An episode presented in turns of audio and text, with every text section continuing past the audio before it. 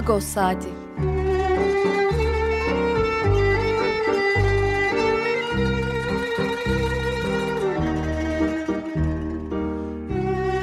Haftalık Agos gazetesinin penceresinden Türkiye ve dünya gündemi.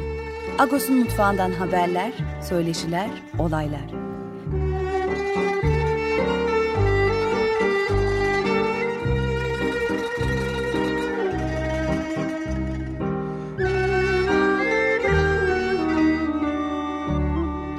Radyo Agos.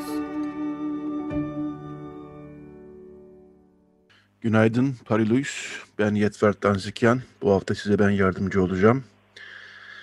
Ee, hangi şarkıyla başladık? Her zaman gibi bir şarkıyla başladık ne? Ee, onu size anons edeyim. Arto Tunç Boyacıyan ve Almanya'nın Navigat'den dinledik. Life is deeper than what you think. Yani hayat düşündüğünden daha derindir diyor Arto Tunç Boyacıyan. Sözlerini muhtemelen anlamadınız. İngilizce mi, hangi dil, Ermenice değil.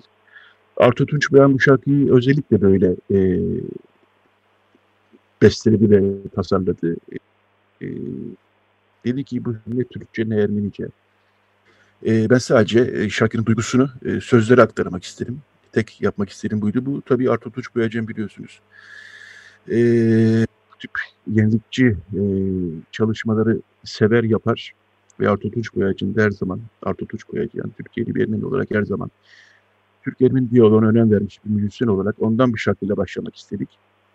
Açıkçası bu şarkıda çok anlatmak istediklerimize bir anlamda da e, tercüman oldu diyebiliriz. Evet, e, bu hafta Radyo Agos'ta neler var? E, ilk bölümde Garo Paylan'la bağlanacaktık. E, bağlanacağız yine ama bir e, hatlarda sorun var belli ki. E, onun yüzünden e, Garo Paylan'a daha sonra bağlanacağız. Şimdi ilk bölümde birazdan e, Pakrates Sukyan'la konuşacağız. İkinci bölümde e, Ali Nozunyan'la Ermenistan'da e, gazetecilik yapan Ali Nozunyan'la, o da Türkiye'li bir Ermeni. Ali Nozunyan'la e, çatışmaların e, yani Karabağ üzerinden yürüyen çatışmaların son durumunu konuşacağız. E, inşallah son bölümde de Garopaylan'la konuşacağız. Garopaylan hakkında e, dün e, belki fark etmişsinizdir. E, gazete ilanlarıyla Garopaylan hedef haline getirildi. Onun yanı sıra e, HDP'li vekiller de, e, siyasetçiler de daha doğrusu eski vekiller de siyasetçiler de dün tutuklandılar. E, tutuklananlar arasında e, Hrant'ın arkadaşları grubundan yani 19 Ocaklar'da e, duruşmalarda canın dışına takan Hrant'ın arkadaşları grubundan bir can yorulmaz da vardı. E, biz tabii tüm tutukluların e, serbest bırakılmasını, bir canın da özellikle serbest bırakılmasını talep ediyoruz. Bunun yanı sıra Beyza Üstün gibi akademisyenler de var. Onların da serbest bırakılmasını talep ediyoruz. Bunu buradan e. Bu haftaki Agos doğal olarak e, çatışmalara e, ayrıldı büyük büyük oranda. Manşetimizde e, barış çağrısı yapıyoruz. E, savaşın kazananı, barışın kaybedeni olmaz diyoruz. E, bunun yanı sıra röportajlar, analizler e, var. E, ben Vartuy Balyan'ın yazısını da bilhassa e, tavsiye ediyorum. E, Vartuy Balyan Türkiye'de yaşayan, e, uzun yıllardır Türkiye'de yaşayan Ermenistanlı bir Ermeni. E, duydukları, hissettiklerini çok içten bir kale, e, şekilde kaleme aldı.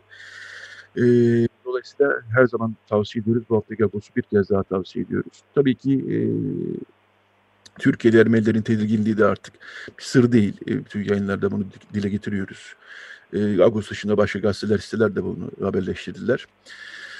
Evet, e, Pakrates Tükkan telefon hattımda olması lazım. Günaydın Pakrat Akbarik Barlus. Günaydın Parlus Yatak, günaydın. Seninle saat 10'da bağlanacaktık ama Garo Paylan'la hattımızda bir sorun oldu e, bağlanmakta. Onunla inşallah saat 10'da bağlanırız. E, senle saat 10'da bağlanacaktık. Böyle bir e, yer değiştirme yapalım dedik e, yayının selameti açısından.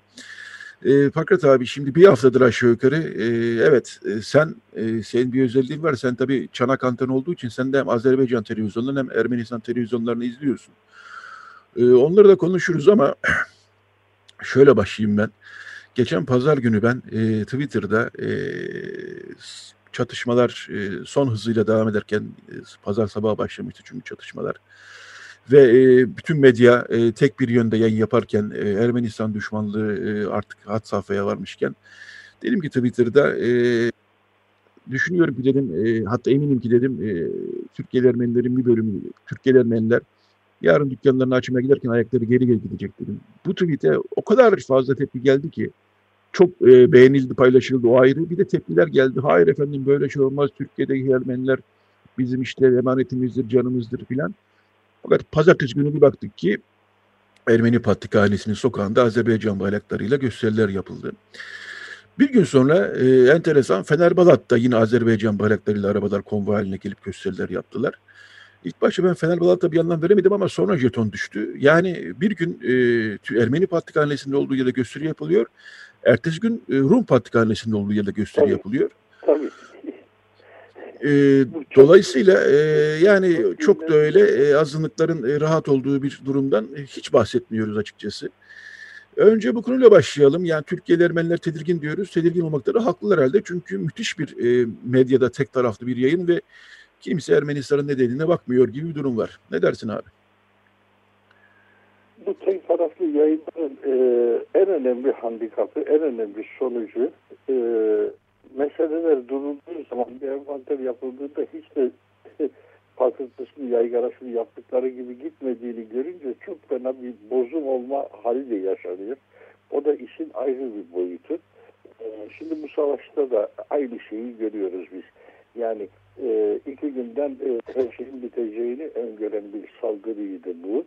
E, ve bu bir Azerbaycan saldırısıydı. İlk dezenformasyon anında buradan başladı. Ermenistan saldırdı dediler. Ee, birkaç kanaldan birden haber alınca ben sözleri biraz önce senin de söylediğin gibi daha farklı bir sentez yapıyorsun. Öncelikle tarafların verdiği bütün haberlere tencidatlı yaklaşmak gerektiğini zaten bir gazetecilik refleksiyle biliyorsun. Herkes kendi kayıplarını küçümsüyor, karşı tarafın kayıplarını abartıyor. Ee, bunlardan doğru bir bilgi çıkması çok zor olabilir. Ee, ama gene de o mukayeseyi yaptığında kullanılan dilden şuradan buradan neyin nasıl geliştiğini de gözlemleme imkanı bulunuyor. Ee, Azerbaycan hükümeti eminim ki bunu e, birkaç gün sonrasını öngörerek yaptı. Birkaç gün sonra mağdur konumuna düşmeyi istedi. O yüzden de e, yıllardan beri gururla e, alacağız, saldıracağız, e, silahla alacağız, zorla alacağız diye bir türkü tutturan Aliye birdenbire dedi ki durduk yerde Ermeniler bize saldırdı. Oysa gerçeklik çünkü bunun hiçbir mantıki açıklaması yok. Ermenilerin saldırması için somut neden yok. Ermenilerin çıkarına olmayacaktır bu saldırı. Nitekim kısa zamanda da her şey belli oldu. Ama halen o ısrarı sürdüren birçok kalem var Türkiye medyasında. Ee, ilk gözlemlediğim şey bu e, meselenin gelişmelerine baktığımda. Ee, ikincisi e, hakikaten de Azerbaycan güçleri somut hiçbir ilerleme hemen hemen kaydedemiyorlar. Oldukları yerde e, karşılandılar ve Ermenistan ordusu tarafından değil Karabağ Savunma Ordusu diye e, tanımlanan askeri birlikler tarafından. Bugün Türkiye'deki bir dezenformasyon da Karabağ'da bir hükümet olduğunun görmezden gelinme çabasıdır. Ama e, somut gerçeklik orada öyle bir olgunun var olduğu, e, bunun e, belli periyotlarla seçimler yaptığı, seçimlerle yeni cumhurbaşkanı seçtiği, yeni hükümet oluşturduğu, yeni dışişleri bakanı oluşturduğu, bunun kimse tarafından tanınmıyor olması sonuç değiştiren bir şey değil. De facto bir hükümet bu. Birleşmiş Milletler de tanımıyor. Dünyada Ermenistan dahil hiçbir ülke tanımıyor. Aynı Kuzey Kıbrıs Türk Cumhuriyeti gibi. Yine Kuzey Kıbrıs Türk Cumhuriyeti'ni Türkiye tanıyor. Ama Karabağ Cumhuriyeti'ni Ermenistan da tanımıyor. Tanımamasının en önemli sebebi de bunu e, müzakere masasında elini güçlü tutmak için yapıyor. Çünkü e, onu tanıdığı anda artık müzakere masasında e, bir söz hakkı kalmayacak Ermenistan'ın. Böyle bir duruma düşmemek için Ermenistan da tanımıyor ama bugünlerde şimdi savaşın sıcaklığında e, bu anlamda da baskı var Paşinyan hükümetine karşı. Artık Karabağ Cumhuriyeti'ni resmen tanımanın zamanı geldi diye bir baskı da e, yaşanıyor. Bunu da gözlemliyoruz. Muhalefet bu konuda e, belli bir basınç uyguluyor. Tanıyın Dağlık Karabağ Cumhuriyeti'ni diye. E, her halükarda e, bizim de manşette belirttiğimiz gibi savaşın kazananı olmaz olsa olsa kaybedeni olur. Herkes kaybeder daha doğrusu savaşta. Bizim açımızdan en vahim tarafı bu işin en e, üzücü tarafı gencecik insanların 20 yaşında, 18-19 yaşında insanların yüzlerce yüzlerce ölmeye başlaması. Bu e, hangi taraftan olursa olsun bütün kayıplar için eşit şekilde üzülmeyi bilenleri kahveden bir durum. Kimileri e, uzaktan ha 3 ondan 5 bizden 8 ondan 25 bizden ya da tersi olunca e, şey olunca sevineceklerdir. Biz o sevinenlerden hiç olmadık. Hiçbir zamanda olmayacağız. Bizim dünya görüşümüz, meselelere bakışımız buna müsait değildir. E, biz hep e, ateş düşen evlerin acısını yüreğimizde yaşayacağız. O yüzden de ilkesel olarak zaten savaşa karşıyız. Ama şu anda e, ateşkes dayatmalarında her iki tarafta derhal ateşkes e, ilan etsin dediklerinde ben şaşırıyorum. Çünkü saldırıya uğrayandan ateşkes istemek nasıl bir şeydir? Yani savunma mı demek istiyorsunuz? Ateşkesinde ne yapsın? Aynı anda ikimiz de ateşkesin. Hayır saldıran diyecek. Bu çatışmayı başlatan duracak. Başlatan evet. zaten mukabelesi de olmayacaktır. O yüzden... Ee, ben şunu da biraz e, konuşmak istiyorum e, Pakrat Akberik. Bu hafta Viken Çeteryan da yazısında buna dikkat çekiyor. Vartu İbalyan da yazısında buna dikkat çekiyor. Vartu İbalyan'ın yazısı şu açıdan da kıymetli. Onlar e, Vartu İbalyan'ın ailesi Ermenistanlı. E, onların ailesi aslında eski bir Azeri köyünden e, mübadeleyle e, Ermenistan'a gelmiş bir aile ve eski günleri e, dedesi, e, anneannesi, babaannesi çok e, Azerilerle dostlukların çok güzel sözlerle anıyor e, Vartu İbalyan. Fakat şunu da Viken de söylüyor, Vartu de söylüyor. E, Viken tabi bunu tarihsel olarak vurguluyor. Diyor ki yani Türklerle e, Ermenilerin tarihsel geçmişi aslında çok daha köklüdür. Yani çok daha e, eskilere dayanır. Yüzyıllar, e, bin yıllık bir geçmiş var neredeyse. Halbuki Azerilerle Türkler arasında o kadarlık bir geçmiş yok. Buna rağmen e, Türkiye ısrarla e, Azerbaycan tarafını kayıtsız şartsız destekleyip Ermenistan tarafını kayıtsız şartsız düşmanlaştırıyor diyor. Tarihsel bağlamda da bu bana biraz ya ilginç demeyeyim ama e, şaşırmıyoruz artık yani hani ama gene de tarihsel olarak not düşülmesi gereken bir nokta gibi geliyor. Ne dersin? E, doğru çünkü e, tarihsel e, bir geçmiş yok bu düşmanlığın. Yani Osmanlı İmparatorluğu'nda Ermeniler bugün Türkiye'de olduğu gibi bir nefret objesi asla olmadılar. Kendi doğallıkları içerisinde o bölgenin doğa, e, yerli bir halkı olarak görüldüler, anlaşıldılar, algılandılar ve kabul gördüler. Oysa bugün Türkiye'de Ermenilere yabancı muamelesi yapılıyor. E, her şeyde bunun üzerine düşmanlık üretmenin çok kolay olduğu bir atmosfer biliniyor. Oysa Osmanlı İmparatorluğu'nda taşlar yerli yerine oturmuşlardı. Osmanlı Ermenistan'ı işgal eden bir güçtü. Ermenistan ve Ermeni halkı da bu işgale silahla direnmek gücü olmadığı için uyum sağlayan e, toprağıyla, tarlasıyla geçimini sürdürmeye çalışan bir halktı.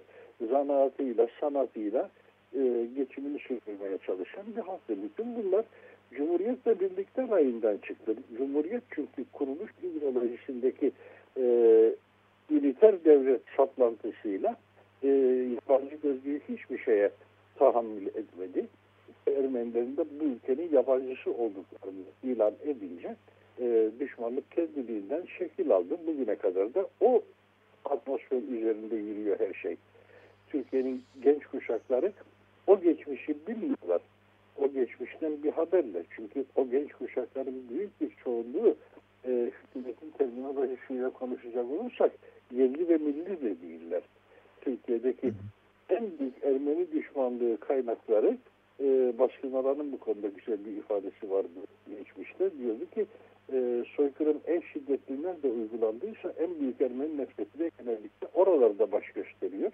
Bu önemli bir saptamaydı. Bir toplum psikolojisi anlamında çok önemli bir saptamaydı. Ve e, daha çok e, mesela en milliyetçi olanlar sonradan Türkiye'ye entegre olmaya çalışanlar oluyorlar. Bu e, ilginç bir gözlem ve temeli olan bir gözlem, karşılığı olan bir gözlem, boş bir gözlem değil.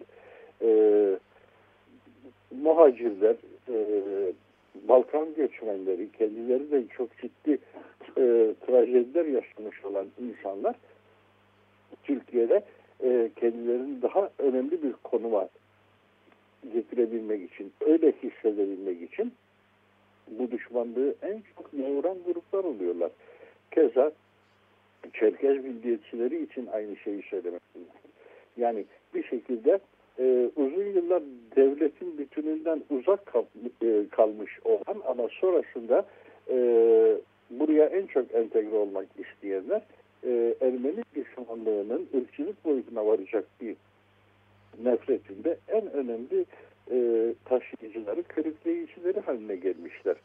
E, Evet abi biz e, yine de şey yapmayalım. E, e, toplulukları topluca genellemeden tabii mümkün mertebe ilerleyelim. E, Fakret abi sen e, bir de e, daha yakından gözlemleme şansına sahipsin. Biz e, birçok birçok gençle konuştuk.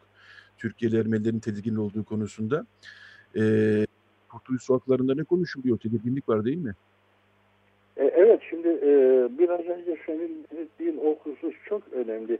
E, bana hemen 6-7 Eylül olaylarını hatırlıyordu. 6-7 Eylül aslında e, Kıbrıs olaylarından dolayı Türkiye'deki Rumlara yönelik bir saldırıydı ama çok kısa bir e, zaman içerisinde daha doğrusu anında e, senkronize bütün ötekilere yönelebildi.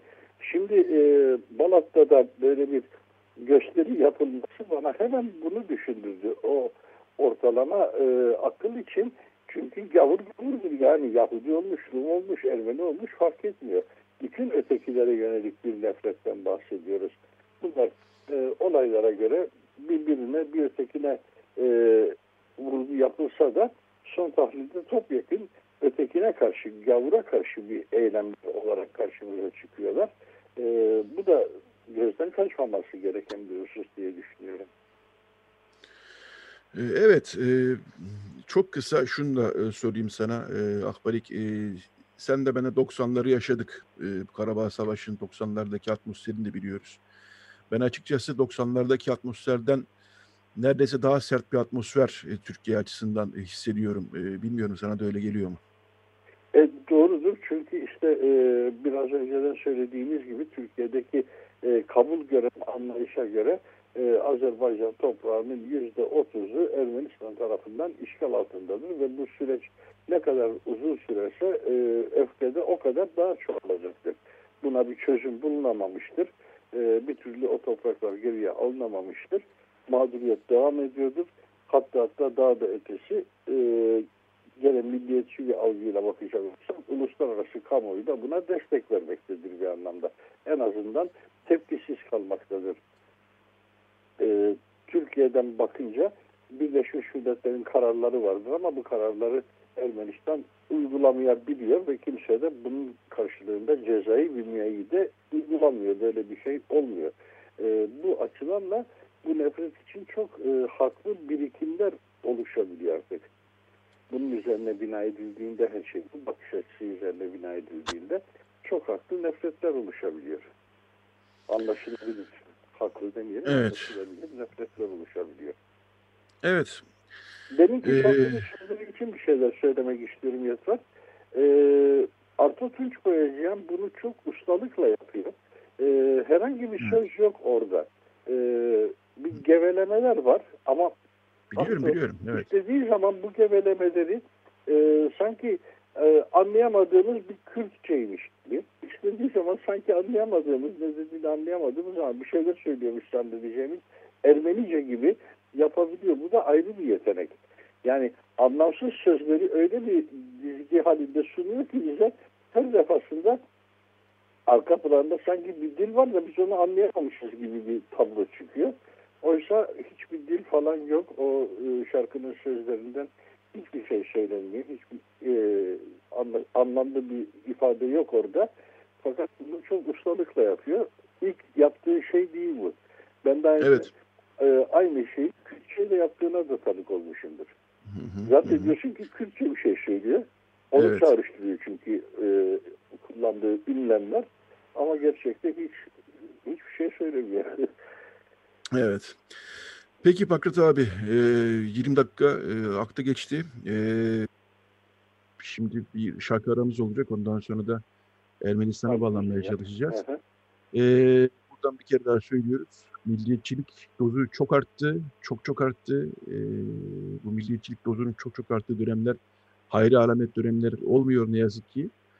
Dolayısıyla e, biraz da e, barış talep ediyoruz ve biraz daha sükunet talep ediyoruz.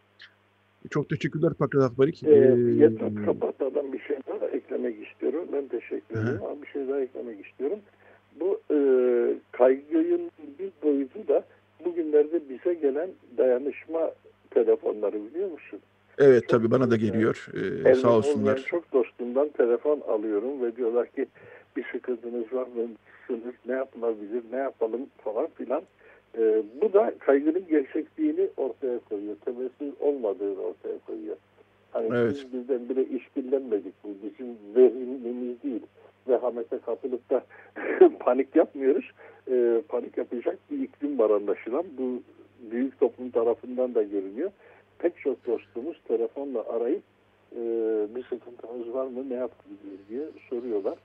O telefonlara tabii seviniyoruz ama bu da durumun gerçek olduğunun da bir ifadesi gibi gözüküyor bana. Evet, çok teşekkürler Pakrat abi. Ee, seninle e, yayınlarımıza her zaman devam edeceğiz. Ee, kolay gelsin diyorum. Ee, evet, şimdi Radyo Agos yine bir şarkıyla devam edecek. Yine e, Artur Tunç Baycan ve Ermen Nabibent'ten dinleyeceğiz. Zeytun Üzar, daha sonra bir reklam arası, daha sonra beraberiz. Radyo Agos. Evet, Radyo Agos devam ediyor. Radyo Kusumu bölümünde Ermenistan'a bağlanacağız. Ee, Ali Nozinyan, Türkiye'li bir Ermeni aslında ama çok uzun yıllardır Ermenistan'da hem e, analistlik yapıyor, hem e, gazetecilik yapıyor e, ve siyaseti de, günlük hayatı da, e, Türkiye'yi de yakından takip ediyor. Agos'a da biliyorsunuz e, yazıyor zaten. Ermenistan'dan bildiriyor yıllardır. Günaydın Alim Pallus. Günaydın Yetvart Paragüs. Şimdi e, biz 6 gündür e, 7. güne girdik artık burada. E, biz de takip etmeye çalışıyoruz tabii çok yakın bir şekilde e, elimizden geldiği kadar. Sen ama e, işin ortasındasın, e, ortası, ortasında sayılırsın daha doğrusu. Şöyle söyleyeyim, e, bu 90 yani çatışma diyoruz biz bunu ama galiba bu artık ikinci Karabağ Savaşı gibi geliyor bana. Bilmiyorum ne dersin? Yani onların bir e, sonraki en ciddi ve 94 arasında işte yoğunlaşan savaş ve 94'teki e, Bişkek Antlaşması'yla sona eren ateşkesten sonra işte yaklaşık kaç 30 yıl diyelim. Evet, evet. Bu 30 yıl e, şeyinde sürecinde e, ateşkes ihlalleri oldu tabii ki. Hı. Yani bunun en yoğunu 2016'da yaşandı. 4 günlük savaş denilen Hı. savaşta. Ama e, şu anki durum bu 30 sene içindeki ateşkes ihlallerine ya da 2016'daki 4 günlük savaşına falan benzemiyor. Bu o 90 ve 94 arasındaki savaşa benziyor. Hı. O ağırlıkta e, cephe hattı çok geniş, kullanılan Hı. silahlar çok e, ağır. Yani. yani ağır sayı olarak fazla. E, ayrıca e, şey e, süre yani bugün yedinci güne girdik. Hiçbir zaman yedinci güne kadar bu iş uzamamıştı. Bu bir savaş, bu artık bir e, ateşkes ihlali ya da işte çatışma falan filan hı hı. değil. Bu bildiğimiz o senin bahsettiğin 94'teki savaşın ikinci raundu Azerbaycan'ın rövanşı diyelim. Yani masadaki anlaşmaya evet. artık şey olmaması, statükoyu değiştirmesi için e, başlattığı yeni bir savaş. Ben Temmuz ayında da böyle 2-3 günlük bir çatışmalar olmuştu. Evet. Ve hızla bitmişti. Fakat Temmuz ayındaki çatışmalar bittiği zaman ben kendi adıma şunu düşünmüştüm. Bu bir provaydı sanki ve bunun daha büyüğü gelecek. Yani hı hı. zaten bütün sürece baktığımız zaman da Azerbaycan'ın e, 90'lardaki savaştan bir anlamda kendini mağlup çıkmış hissetmesi nedeniyle bunun bir karşı hamlesi olacaktı. Ve Türkiye'nin de bu Temmuz'dan bu tarafı Türkiye'nin de sürekli Genelkurmay Başkanları düzeyinde, Savunma Bakanları düzeyinde toplantılar yapması, Nahçıvan'da ortak tatbikatlar yapması bana bu geliyor diyordu açıkçası ve evet. hamleyi de Azerbaycan'ın yapacağı çok açıktı. Yani bunu e, biraz e, soğukkanlı bir şekilde bakan herkes bunu anlar. Yani Türkiye'de Ermeni olmaza gerek yok.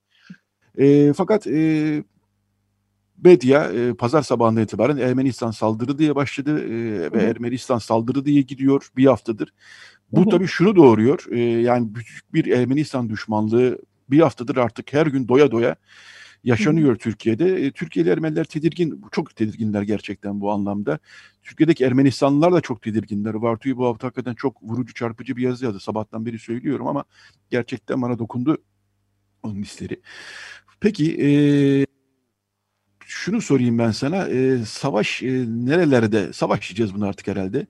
Evet. Nerelerde yoğunlaşıyor? Çünkü e, şimdi bir taraftan Karabağ'ı yani Karabağ'ı mı tekrar almaya çalışıyor Azerbaycan yoksa Ermenistan'la Karabağ e, birbirine bağlayan e, ve 30 yıldır aslında e, ana konusu olan müzakerelerin o reyonlar e, yani o yol koridorları mı almaya çalışıyor?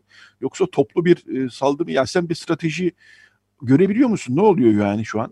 Ya e, yet var. Saldırabildiği her yere saldırıyor. Tabii ana hat Azerbaycan-Karabağ e, sınır hattı. Hı hı. Siz de bugün programın şeyine Twitter'daki şeyini anonsuna koyduğunuz hı. haritada çok net gözüküyor. Yani o hattın kuzey ve güneyine bir ağırlık var. Hı hı. Dün akşam hatta tekrar yoğunlaştı. Bu sabah hı. açıklama yapıldı Savunma Bakanlığı'ndan. İşte üç uçak düşürdük denildi tekrar. Hı. Yani o hatta gibi gözüküyor ama hı. kaçıncı gün? Dördüncü gün Ermenistan'ın Vartenis bölgesi de vuruldu mesela. Hı hı. Ee, dün değil evvelsi gündü galiba artık günleri karıştırıyoruz. Evet, evet. Ee, Abovyan şehri üzerinde bir e, şey oldu. Ee, bir, e, işte insansız hava araçları hmm. ve bombardıman oldu. İşte Ermenistan tarafından hatta o İHA'lar etkisiz hale getirildi. Ben çalışma masamda gördüm yani ne olduğunu da anlamadım ilk başta. İşte, yani buraya kadar yaklaştı artık yani Yerevan'da evet. oturan, Yerevan'ın bir, bir, biraz yüksek kısmında oturanlar şeyi gördüler artık. Patlamaları. Yani şey savaşı gördüler diyeyim. Savaşı gördüler. Patlamayı gördüler diyeyim. O anlamda şimdi stratejisi nedir Azerbaycan'ın? Gerçekten yani ben analist olarak, gazeteci olarak söylemeye zorlanıyorum. Savaşı bilenler de söylemeye zorlanıyorlar. Yani şu an sadece Ermenistan'la değil genel olarak zorlanıyor. Tabii bir de e, başkentlerin vurulması var. Yani Hı-hı. yine dün ve evvelsi dün 4 3 saldırı oldu. Üçüncüsü Sep- de akşam saatlerinde oldu. Karab- Karabağ'ın başkenti, başkenti Stepanaker'de. Stepanaker'den evet, evet, evet. Orada şey oldu. E, Yerevan'a oldu. Hı-hı. Sivil alanlar bunlar. Hı-hı. Hatta hastaneye hedef e, alındı. Hı-hı. E şimdi yani bilmiyorum savaşın ahlakı olur mu böyle bir şey? Böyle bir cümle kullanmak ne kadar doğru bilmiyorum. Yani savaş zaten ahlaksız bir şey ama düzenli ordular arasında da bir şey var ne bileyim mesela bir işte esir düştüğünde bile uygulanan bir e, şey var e, kanun evet. var bilmem ne var biliyoruz bunları ama şu anda yapılan şey biraz şey gibi sanki artık ne yapacağı bilinilmiyor böyle e, hmm. ya, tamam mesela şunun altını da çizelim bak bu da önemli Birleşmiş Milletler Karabağ e, Azerbaycan toprağı olarak görüyor ve Ermenistan'ın gerçekleştirdiği şeyi de işgal olarak görüyor mesela. Şimdi böyle bir bilgi var elimizde. Tamam. Peki. Ama bu yani bu durumda bile sivil halkın hedef alınmasını doğrulayan ya da bunun savaş suçu sayılmayacağını belgeleyen bir şey değil. Bu ikisini birbirinden çok iyi ayırmamız lazım. O anlamda e, şey e, e, Azerbaycan sanıyorum yani bu kızdıracak belki e, insanları ama e, son yıllardır özellikle son 10 yıldır bu kadar bütçeden silahlanmaya e, para ayırmasına rağmen bu kadar savaş çığırtkanlığı yapmasına rağmen şu anda istediğini elde edemiyor gibi gözüküyor 7. günde. Ben e, bu beni biraz kaygılandırıyor işin doğrusu e, Ali. Ben de çünkü bakıyorum pardon sözünü kesin. Ben de bakıyorum 6. gün Rica oldu. Ederim. 6. gün oldu, e, oldu ve Azerbaycan e, sonuçta burada bir hedefi olan Azerbaycan savunma pozisyonu yani 30 yıldır aslında böyle savunma pozisyonunda olan Ermenistan hı hı. hedefi olan Azerbaycan Dolayısıyla bu Türkiye'nin ne kadar yalanlanamaz bu kadar desteği arkasındayken e, kaydeder bir e, kasaba, köy e, ya da bir merkez ele geçirmesi e, tahmin edilebilirdi. Beklenir demiyorum ama tahmin edilebilirdi. Şimdi bu olmadı. Bu olmayınca e, benim asıl korkum, endişem ve savaş değil de barış çağrısı yapmamızın da başlıca sebebi bu. Bu sefer hı hı. daha daha da ağır silahlarla işin iş e, devam edilebilir e, mi işe? Yetver çok ağır bir silah kalmadı. Yani Tabii. öyle söyleyeyim size. Yani havadan bombardıman var. Şey Hı-hı. mi yapacaklar yani o dedikleri gibi mesela Mezamor nükleer santralini mi vuracaklar artık yani Hı-hı. o kadar belden aşağı bir e, hamle gelirse ki e, yani hep diyoruz bunu o Türkiye sınırında e, o Ermenistan'a değil büyük şekilde Türkiye'ye zarar verecek. Mesela bölgeye zarar verecek. E, öyle saçma bir şeyin tekrar hatırlatmasını yapmamız da aslında şey e, kritik. Evet, doğru. Yani senin dediğin e, e, şeyi, e, şüpheyi evet hepimiz paylaşıyoruz. E, mesela e, şey de çok enteresan. Dün akşam bu İngilizce olarak verildi ama Türkçe bir şey göremedim haberlerde. Hı hı. Erdoğan bir açıklama yaptı. Dedi ki ümit ediyorum Azerbaycan savaşta ileri gidebilecek dedi. Mesela bu ümit kelimesi burada çok şey aslında çok sihirli bir kelime. Ümit etmek. Yani çünkü genelde Erdoğan emindir bir şey söylediği zaman e, Türkiye ile ilgili olarak. Şimdi burada ümit etmek bu şey demek. E, herkeste bazı şeyler var yani. E, senin dediğin gibi endişeler e, başlıyor. Burada ne olabilir? E, artık TSK resmi olarak e, savaşa girer mi Azerbaycan'la? Bu o artık zaten işin diplomatik ve uluslararası alanda çok büyük evet. problem yaratacak bir şey olur herhalde. Ama onun dışında da şeyler öyle. Yani geçen haftaki çağrılara bakıyoruz. Azerbaycan istediği formatta, istediği şekilde biz Azerbaycan'ın yanındayız demek. Aslında bu önce dediğimiz cümleyi evet. biraz şey yapıyor. E, evet. Bu arada e, gazetecilik e, de bağlı kalarak şunları da söyleyeyim. Azerbaycan e, yani Azerbaycan tarafından bilgi veren bağımsız olabildiğince bağımsız kaynaklarda e, Terter bölgesinde e, sivillerin hı hı. E, yani Ermenistan'ın karşı saldırılarıyla nedeniyle Terter bölgesinde bilhassa e, sivillerin yaralandığını, hayatını kaybettiğini duyuruyor. Burada evet. ilginç bir şey var yalnız benim dikkatimi tekrar çeken. E, yani bunun altını çizelim. E, iki tarafta da kayıplar var. Bunu söylemek evet. lazım. Fakat benim dikkatimi çeken bir şey de şu anda sana sormak istiyorum. E, Karabağ e, savunma birlikleri e, kayıplarını e, isimleriyle, doğum tarihleriyle açıklıyor. Yani şu, evet. şu gün 20 kaybımız oldu, iki gün sonra 30 kaybımız daha oldu diye. Evet. En son dün sabah 54 kaybımız daha oldu dediler. Total 150 oldu şu anda. 159 sanıyorum. 159 ee, evet. Evet e, Karabağ'ın e, kaybı var. Hı hı. Fakat e, Azerbaycan e, bu tip bir resmi açıklama yapmıyor hiç. Hı hı. Ve e, sivil toplum kuruluşları e, ancak bir çıkarsama yaparak hı hı. E, Azerbaycan kayıplarını hesaplamaya çalışıyorlar. Orada da çok fazla bir yere varılamıyor. E, sen bir gazetecisin de aynı zamanda, aynı zamanda değil gazetecisin zaten. E, Ermenistan yaşamın dışında demek istedim. E, sen na, nasıl bakıyorsun mesela karşı tarafların açıklamalarından bir süzüyor musun? Ya bu böyle diyor ama mesela duyuyoruz bin tane asker öldürdük, iki bin tane asker öldürdük. İki tarafa karşılıklı bir Evet. Bunları evet. ben de çok fazla dikkate almıyorum işin doğrusu ama evet. sonuçta bütün bu e, bilgilerin içerisinden bir şey süzmek için sen de yöntem kullanıyorsun. Ya iki tarafın bilgilerini karşılaştırıyoruz. Yani şey yapıyorum ben. Bir tarafın diğer mesela şimdi Ermenistan 150 kaybımız var derken Azerbaycan 1500 askerini vurduk diyor. Hı hı.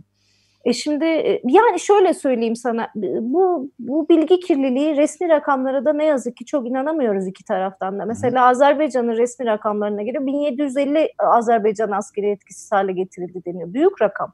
Hı hı büyük rakam. Bunu şu anda teyit etmemizin de bir, pek bir şeyi yok. Yani senin de dediğin gibi aslında iki tarafta da e, kayıplar var. Yani bir, bir tarafın ordusu ne kadar güçlü olursa olsun savaşta tek tarafın zarar görmesi gibi bir şey mümkün değil. Yani iki taraf da Tabii. şu an ne yazık ki e, zarar görüyor. Yani Ermenistan'ın e, açıkladığı senin dediğin gibi listelere bakıyorum ben. 2002 doğumlu çocuklar var yani 2003 çok çok korkunç bu. Eminim Azerbaycan tarafında da aynı şekilde e, ilerliyor. Şu an e, şeyleri yine yani tekrar edeyim kayıpları bilemeyiz ama şuna dikkat çekmekte belki yarar var. Biz 30 yıldır ateşkes ihlalleri sırasında da mesela Azerbaycan'ın ne kadar asker kaybı olduğunu bilmiyoruz. Azerbaycan vatandaşları da bilmiyor. Zaten işte Aliyev'le biraz halkın çekişmesinin sebebi de açıklanmıyor Azerbaycan. Ermenistan açıklıyor. Şimdi şöyle evet. ya da böyle doğru ya da yanlış bir açıklama var.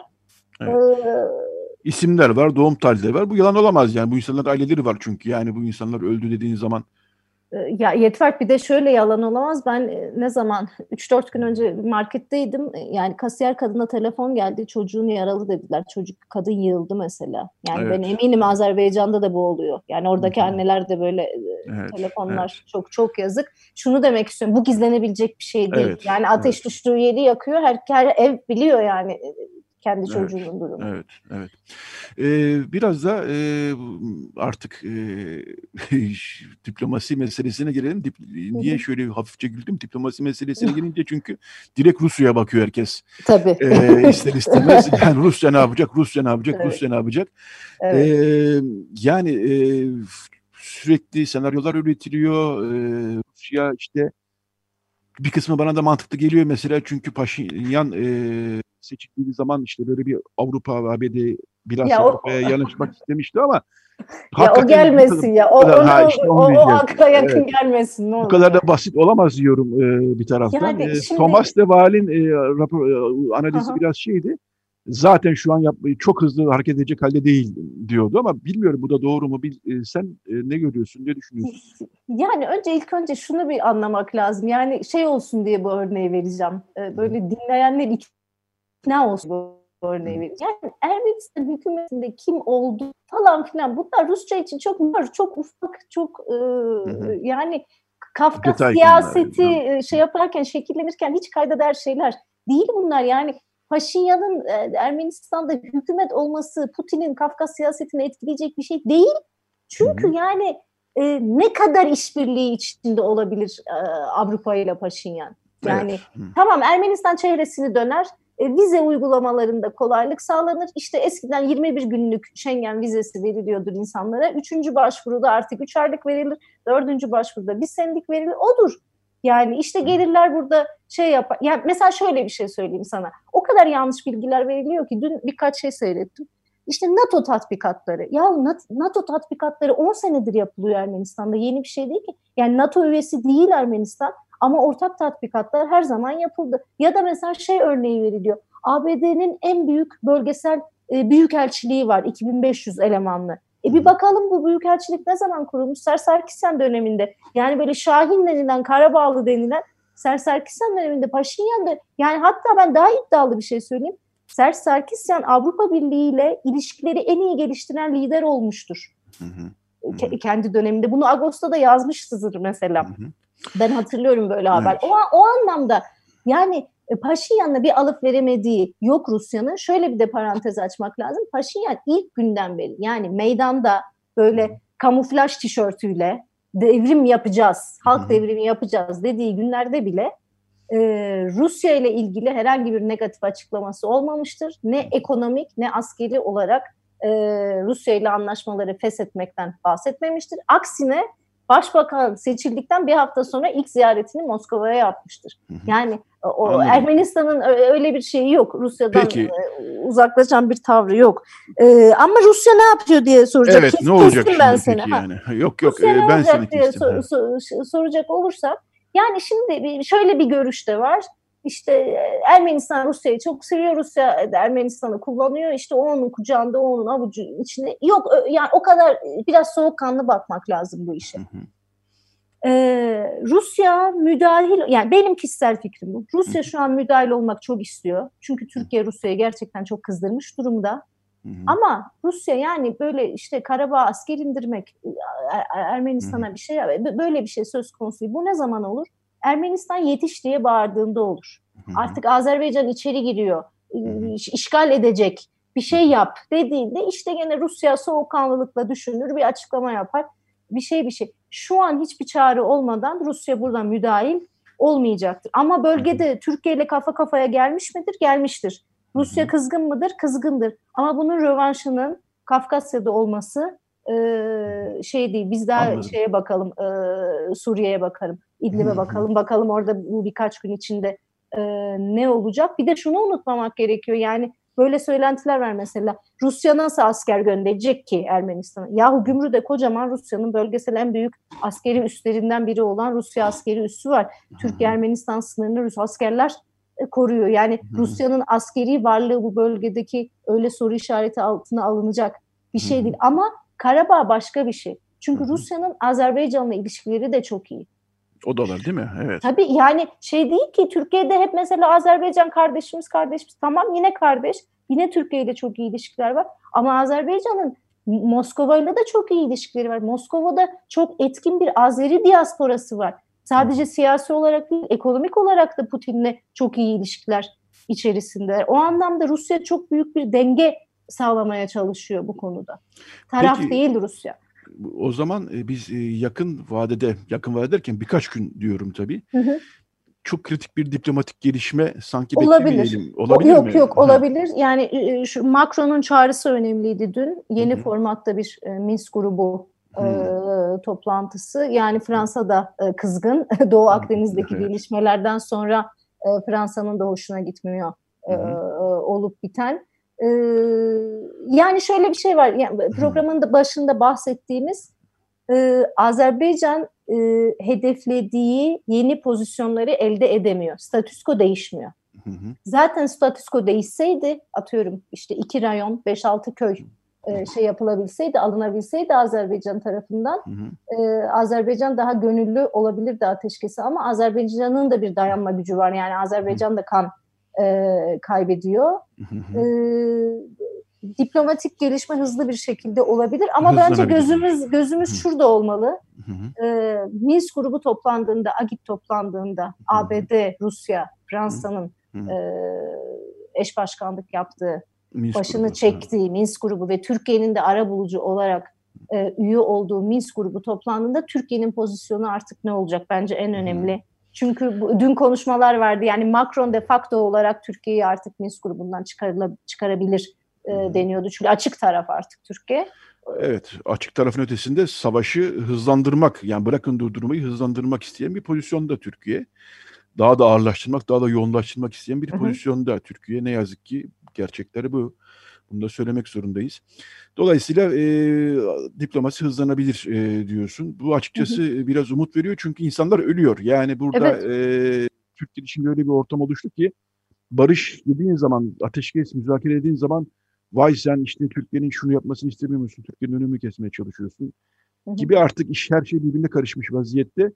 Ama biz yine de müzakere çağrısını, diyalog çağrısını e, diyelim buradan. Bu hafta e, Hrant Dink'in de e, eski bir yazısını yer verdik. O da aslında şimdi biraz ütopya gibi gelen ama o zamanlar da zor olsa da konuşulabilen bir şey söylüyordu. Ya Türkiye Ermenistan'la ilişkilerin ne kadar iyileştirirse o kadar bu konuda bulucu e, pozisyon edinebilir e, diyordu. Evet fakat Türkiye Ermenistan ilişkileri daha da kötüleştirdiği için şu an bir arabulucu pozisyonundan uzaklaşmış vaziyette. Hayli uzaklaşmış vaziyette.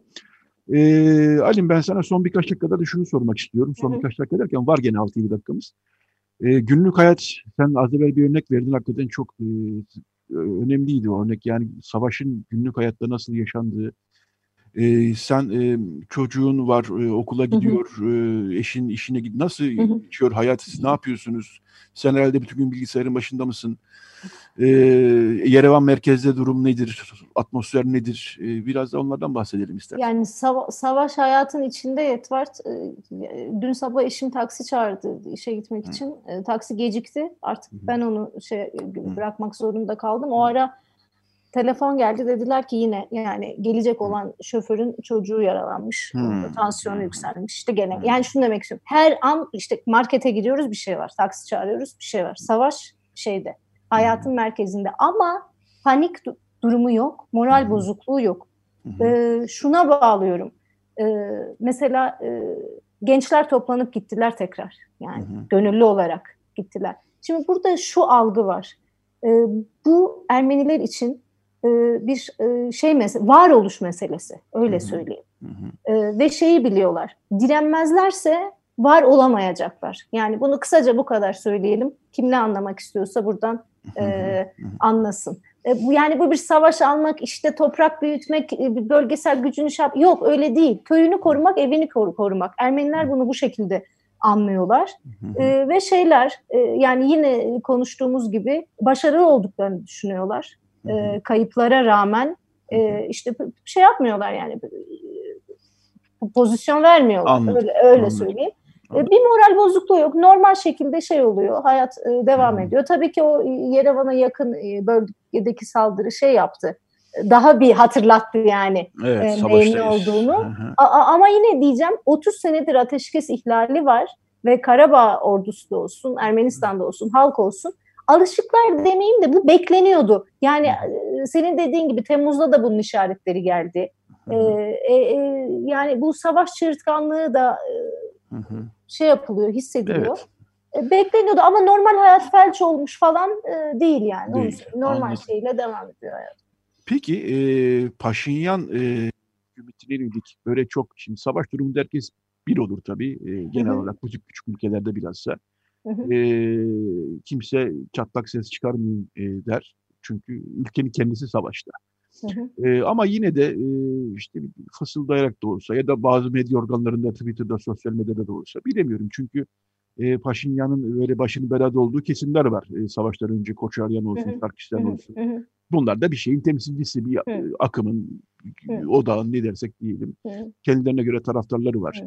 Ee, yine bir e, siyasetçi, şimdi ismi aklıma gelmedi, onunla ilgili e, Zarukyan- Zar- Zarukyan'a evet, yani Zarukyan evet, Zarukyan. Hı hı. Onunla ilgili Hı hı. operasyonlar, soruşturmalar var. E, dolayısıyla bu kesimlerde mesela e, ufak tefek sızlanmalar, şikayetler, ya şöyle mi yapsaydı, böyle mi yapsaydı falan filan gibi var mı? Yoksa? Yok, yok. Yok.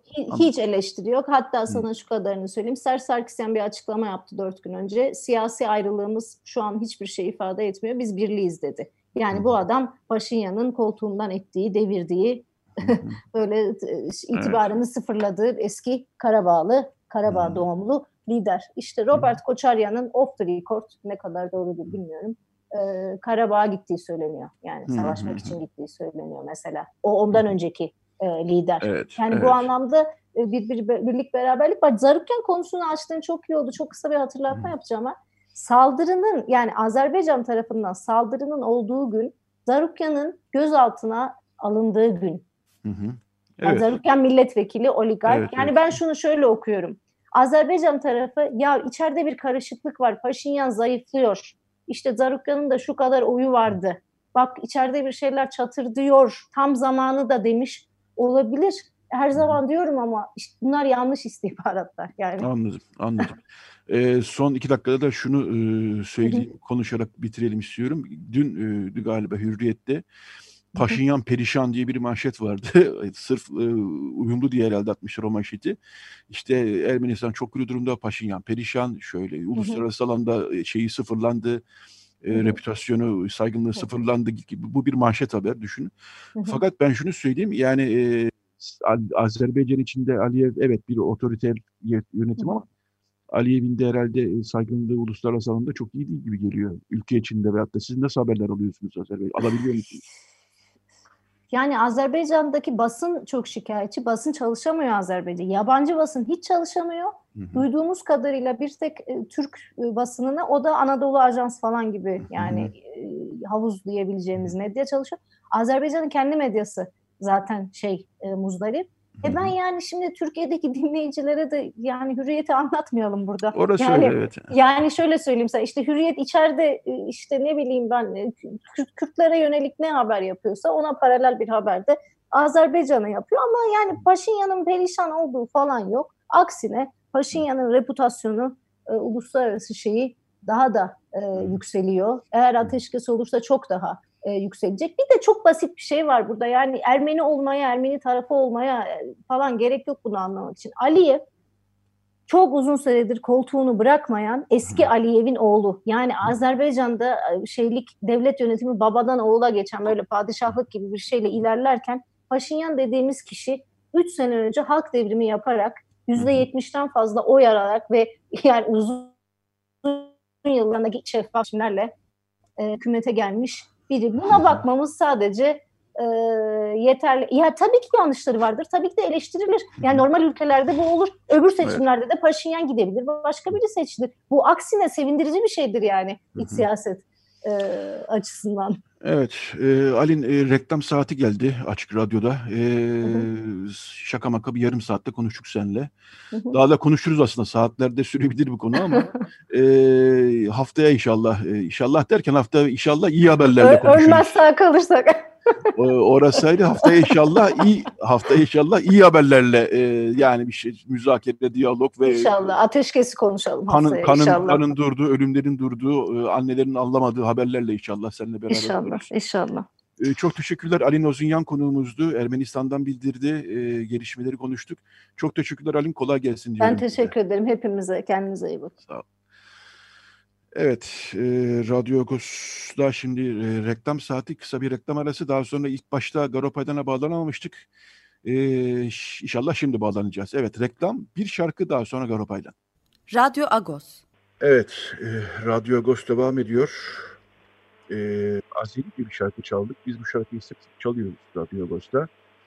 Pıçıldaşın lepeler, Sara e, Kadirnova'nın kadife gibi sesinden dinledik. E, Fısıldaşın dalgalar diyor şarkıda Sara Kadirova. E, Kadirnova. Eşi Bakü'de e, petrol kuyusunda çalışıyor ve ondan haber alamıyor. Çocuğuyla e, sıkıntılı bir durumda. Biz iki halkın e, seslerine, şarkılarına e, yer vermeye devam edeceğiz. E, hem Agos gazetesinde hem de Radyo Agos'ta. Evet şimdi Garopal'dan telefon attığımızda. Günaydın Garopal Düz. Günaydın Palis. Evet sen de yine e, kasvetli bir yayın yapıyoruz. Her seferinde bunu söylüyorum. Garo inşallah bir sonraki yayınımız güzel bir yayın olur diyorum ama bir türlü de olmuyor. Ee, şimdi Gelen sondan başlayalım. sondan başlayalım istiyorsan. Dün senin hakkında e, bazı gazetelere yani senin sadece sen değil bir büyük bir ilan ama içinde sen de hedef gösteren bölümler var. Seni ve HDP milletvekilleri ama özel olarak senin isminin anılması ve senin ihanetle suçlanman ki bu da sırf barış istediğin için, e, diyalog sürsün dediğin için olmuş bir şey öyle anlıyoruz. E, sen hedef haline getirildin. Bu çok can sıkıcı bir durum aslında. Hemen suç duyurusunda bulundun sen dün. E, biraz bundan bahseder misin? Önce bu işte bu konuyla başlayalım bari. Elbette.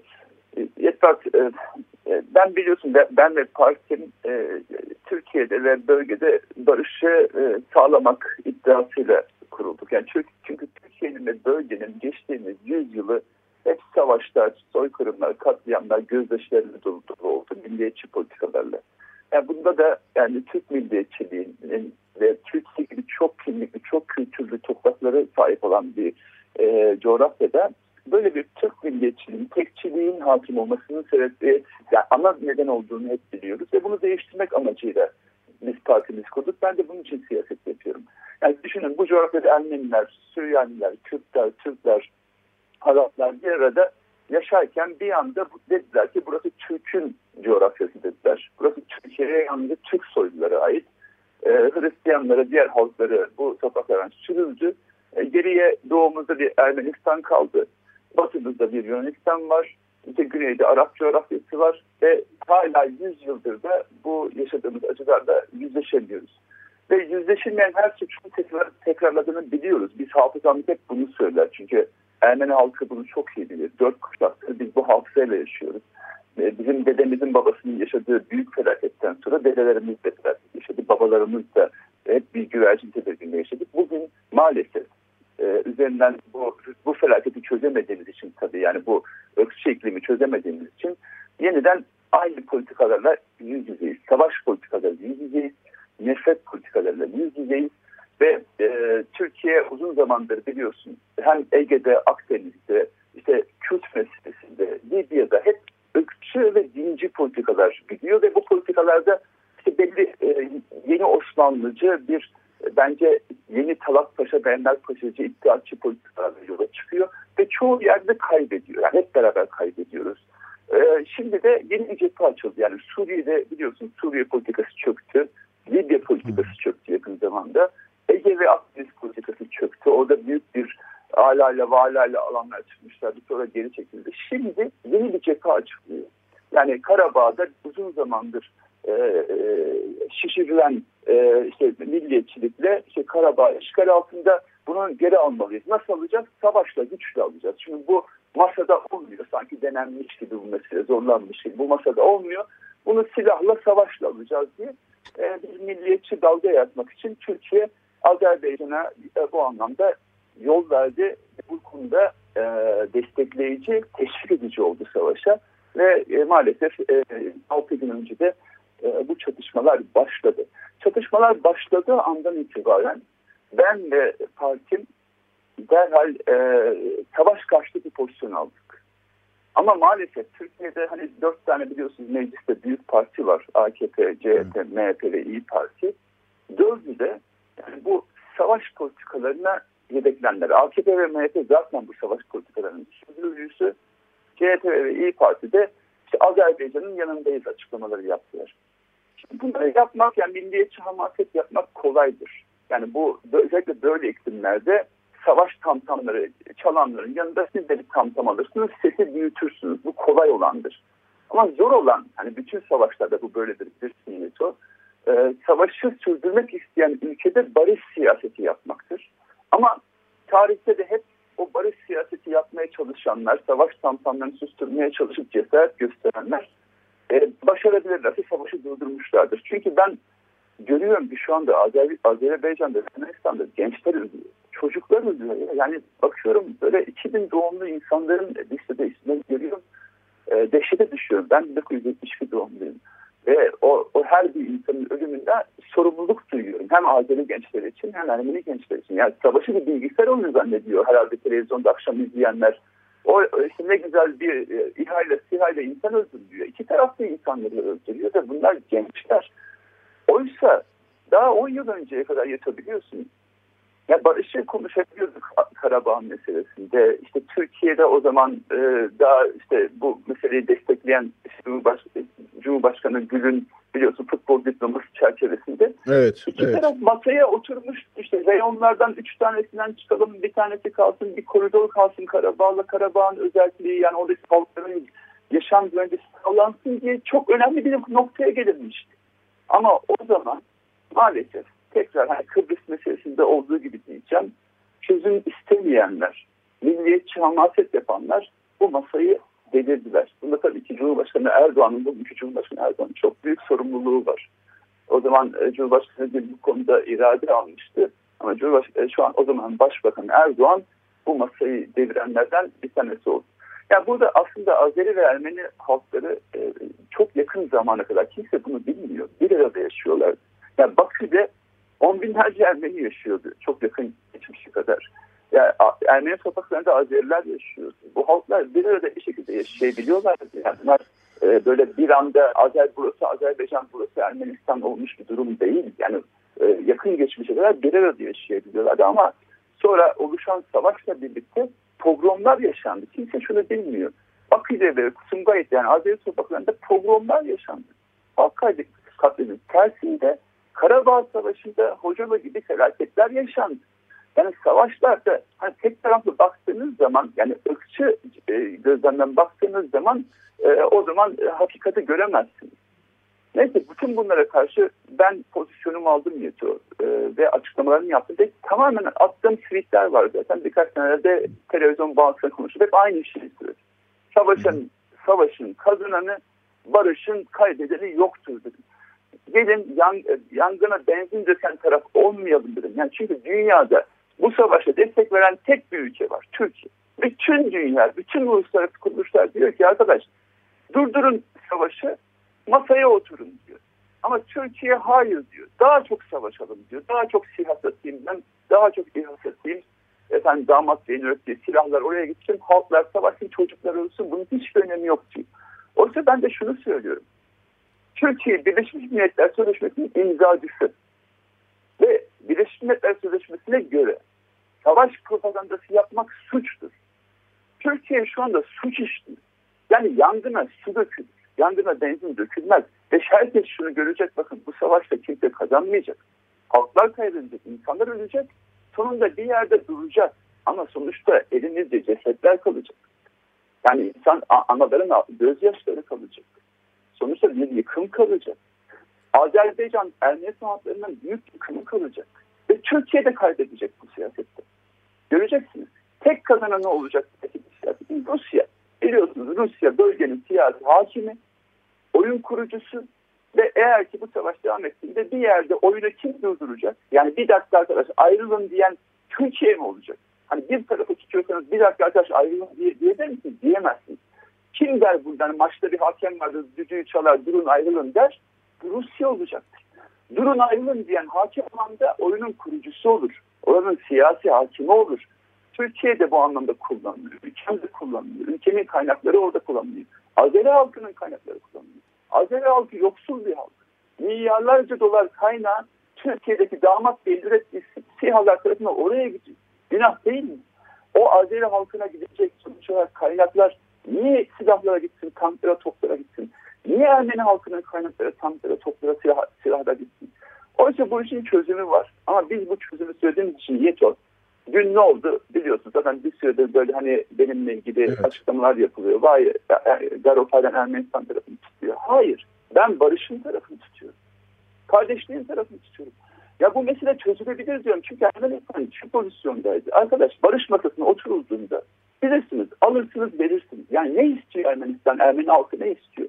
Karabağ'daki Ermeni halkının can güvenliğinin sağlanması için bir orada otonominin oluşması gerekiyor. Bir de Ermenistan sonuçta 5 tane reyonda bunun bir tanesi bir koridor olarak kalmasını istiyor. Yani Kara, Karabağ'la Ermenistan arasında bir koridor olması. Azerbaycan da 10 yıl önce bu pozisyonu kabul etmiş. Yani masada bunlar çözülecekti. Al ver meselesiyle. Ama maalesef bu istenmedi. Buna karşı ne yapıldı? Dün bir açıklamayla işte ASAM denen bir yapı yani yüzlerce imza var. Gerçekten önceki dönem meclis başkanından tutun yüzlerce eski milletvekili, işte efendim siyasetçiler, şunlar bunlar bir bildiriye imza atmışlar. İşte efendim Garopay'dan e, ihanet ediyor diyorlar. Ben açıkça söyleyeyim buradan gerçekten e, onlara hadlerini bildir, her yerden bildirmek istiyorum. Savaş istemek suçtur ve siz ihanet yapıyorsunuz. Kim savaş istiyorsa, kim yangına benzin döküyorsa o çocukların e, kanlarında ve anaların gözyaşlarında onların elleri vardır ve onlar ihanet ediyorlar. Yani ve ben barışın yanındayım. Yalnızca barış çağrısı yaptım. Bu meselenin masada çözülmesi çağrısı yaptım ama hedefe konuldum. Sorun değil. Ben bazı odakların beni susturmak için hareket geçtiğini görüyorum.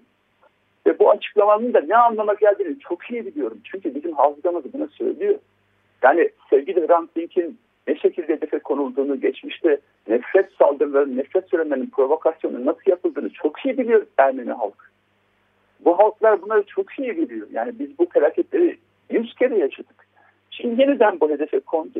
Ee, ve bu açıklamanın ne anlama geldiğini gerçekten çok iyi biliyorum ama ne yaparlarsa yapsınlar. Ben barış istemekten ve bu konuda sorumluluk almaktan asla vazgeçmeyeceğim. Çünkü bizi o meclise seçmenler barışı sağlayalım diye gönderdiler. Gerek Kürt meselesinde, gerek Ege Kıbrıs meselesinde, gerek Ermeni meselesinde, Karabağ meselesinde barışı sağlayalım diye gönderdiler. Bugün herkes güvercin tedirginde yaşıyorsa biz o savaş kampanyalarını susturma sorumluluğunu almak zorundayız. Dediğim gibi siyasetçiler bunun için var. 18 yaşında çocuklar ölüyorsa 50 yaşındaki bir insanın susma hakkı yoktur. Bir siyasetçi olarak ben de bu sorumluluğu almaya çalışıyorum ve almaya devam edeceğim sonuna kadar da. Yani evet, anlamda, e, evet. Garopaylan e, Hrant'tan açılmışken konu ben Alin'le yaptığımız e, röportajda da bahsettim. Biz bu hafta Hrant Dink'in bir yazısına, e, Karabağ'la ilgili bir yazısına yer verdik bu hafta Ağustos'ta. Çok önemli bir şey söylüyor Hrant Dink 2004 yılında yazdığı yazıda. E, Türkiye Ermenistan'la ilişkilerini her ne kadar ne kadar geliştirirse, ne kadar diyalog kurarsa o kadar da bu konuda arabuluculuk yapma şansına sahip olur e, diyor.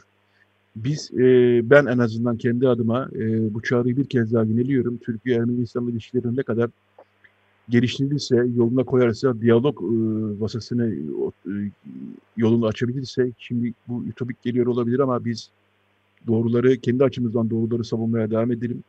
Türkiye Ermenistan'a ne kadar e, diyalog kurarsa, ilişkilerini normalleştirirse o kadar bu konuda arabulucu olma rolüne, sorun çözen e, ülke olma e, rolüne yaklaşabilir diyoruz. E, Garo, e, son bir iki dakikamız e, bir de e, Bircan'ı tamam. konuşmak istiyorum. Bircan Yorulmaz'ı. Çünkü dün e, 17 evet. HDP'li siyasetçi tutuklandı. E, içlerinde Ayhan Bilgen de var. E, akademisyen Beyza Üstün de var. Ve e, birçok eski o zamanlar e, Kobani olayları zamanında e, HDP'de bulunan birçok kişi de var.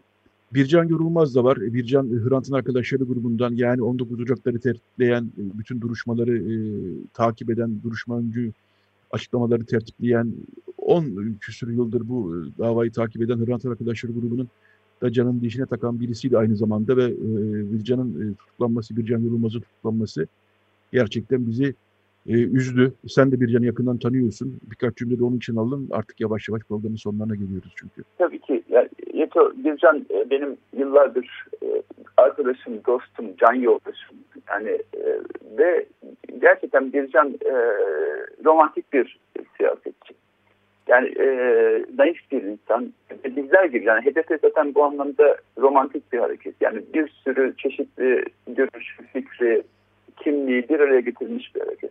E, Bircan hani o 7 Haziran seçimlerine doğru giderken yaptığımız o Barış Halay'la bir e, reklam filmi vardı mesela. Onların bütün o hayalleri beraber kurmuştuk. Yani Türk, Kürt, Ermeni, Sünni, Alevi bir arada bir halay çeksin, kol kol olsun, omuz omuz olsun. Türkiye bir barış ülkesi olsun hayallerini beraber kurduk. O senaryoları beraber yazdık.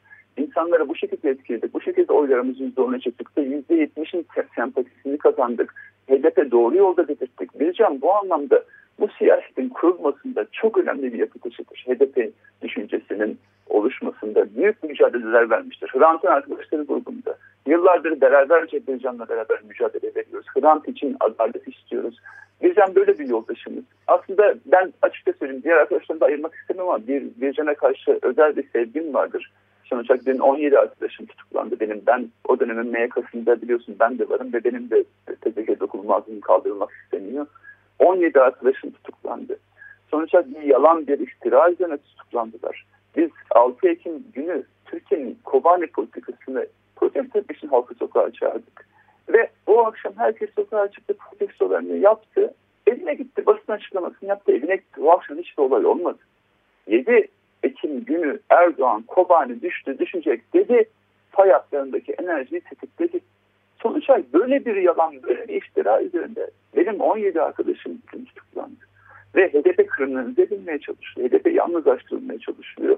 Bir can gibi barış sevdalıları, e, adalet sevdalıları şu anda cezaevine tıkılıyor. Yani bu faşizme karşı gerçekten ses yükseltme zamanı. Tamam farkındayım korku bulaşıyor. Her sesini açan hapse atılıyor diye bakılıyor ama yani gerçekten o meşhur laftaki gibi susmayalım, sustukça sıra hepimize gidecek. Ve bugün sizi savunacak kimse de kalmayabilecek. Çünkü bütün kurumlar yok ediliyor. Yani Yeto dün ben mahkemedeydim. Ben ömrümde böyle bir şey görmedim. Yani ben yüzlerce kez mahkemeye gittim. Böyle bir düşman hukuku uygulanamaz. Bu düşman hukuku bile değil. Yani orada arkadaşlarımız bir haftadır aynı kıyafette duruyor. Bizleri uzakta tutuyorlar. Milletvekillerini adliye bile almıyorlar. Sabah girdik. Avukatları içeri almadan efendim arkadaşlarını tutuklama kararını yüzlerine okuyorlar. Arkadaşlarım da kıyafetleri verdirtmiyorlar. Düşünebiliyor musunuz? Ya o insanlara aileleri kıyafet getirmiş cezaevinde kullanıcıları. Bunları verdirtmiyorlar. Birkaç kuruş yanlarına para koyulması meselesine izin vermiyorlar. Yani son bir hoşça kal diye el sallanmasına izin vermiyorlar. Avukatları darp ediyorlar, milletvekilleri darp ediyorlar. Böyle düz bir faşizme geçiyoruz artık. Yani bunu herkes bilsin. Bu düz faşizmi durdurmak için yani şöyle elimizde kalan ne varsa artık seferber etmeliyiz. Çünkü artık ses çıkaran çok az insan kaldı. Herkes bunu bilsin. Şu ses çıkaran bir avuç insan da gittiğinde o zaman sizi gelip götürdüklerini savunacak kimse de kalmayabilir. Bu anlamda bu ülkedeki ırkçılığı da faşizme karşı da kimin ne gücü varsa herkes bulunduğu yerden itirazını yapsın, sesini yükselsin, örgütlensin, organize olsun. Çünkü faşizm ülkemizi zapt etmek üzere bu e, bu anlamda bu bu zaptı durdurmak için seferber olmalıyız.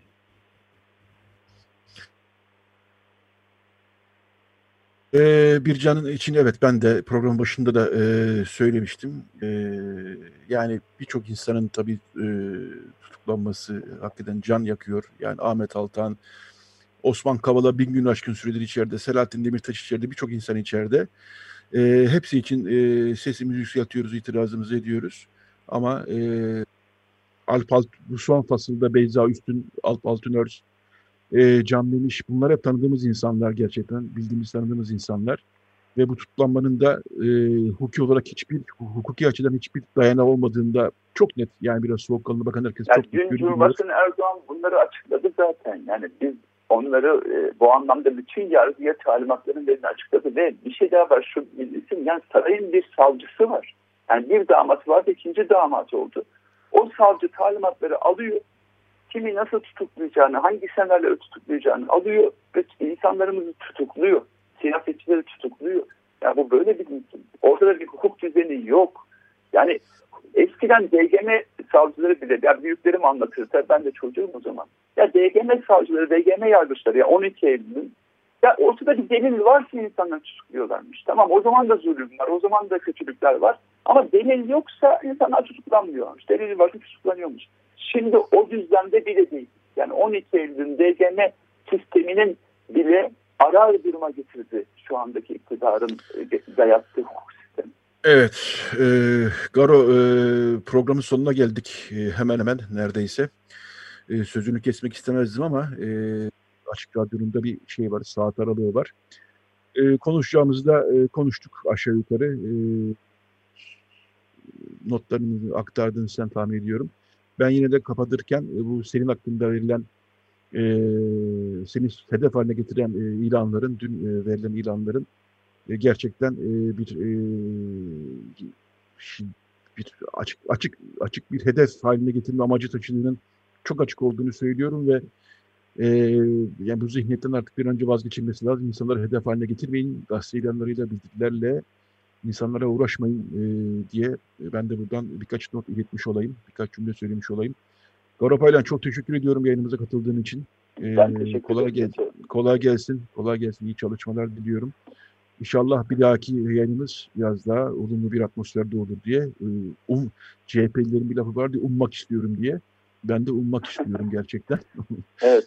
E, evet. Umudu e, kaybetmeyelim. Yani bu umudu kaybetmiş evet. değiliz bu arada. Karanlık evet. Tabii. ama yani ne mutlu ki direnenler var. Yani bu karanlıktan ülkemizi kurtaracağız ama biz acıları az yaşanarak, daha az ölüm olarak, daha az acı yaşanarak bu, bu karanlıktan ülkemizi kurtaralım istiyoruz.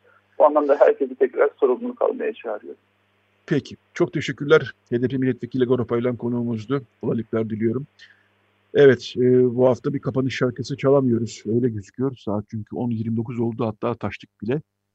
Recide Berhem Baltaş yardımcı oldu. E, Radyo Agos'tan e, iyi bir hafta sonu diliyoruz. Haftaya buluşmak üzere diyoruz.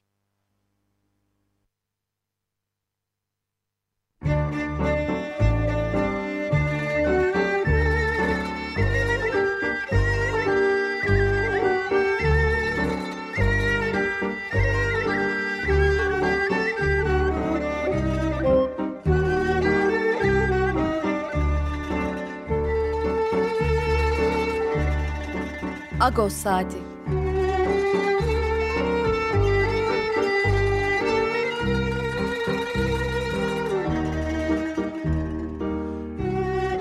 Haftalık Agos gazetesinin penceresinden Türkiye ve dünya gündemi. Agos'un mutfağından haberler, söyleşiler, olaylar.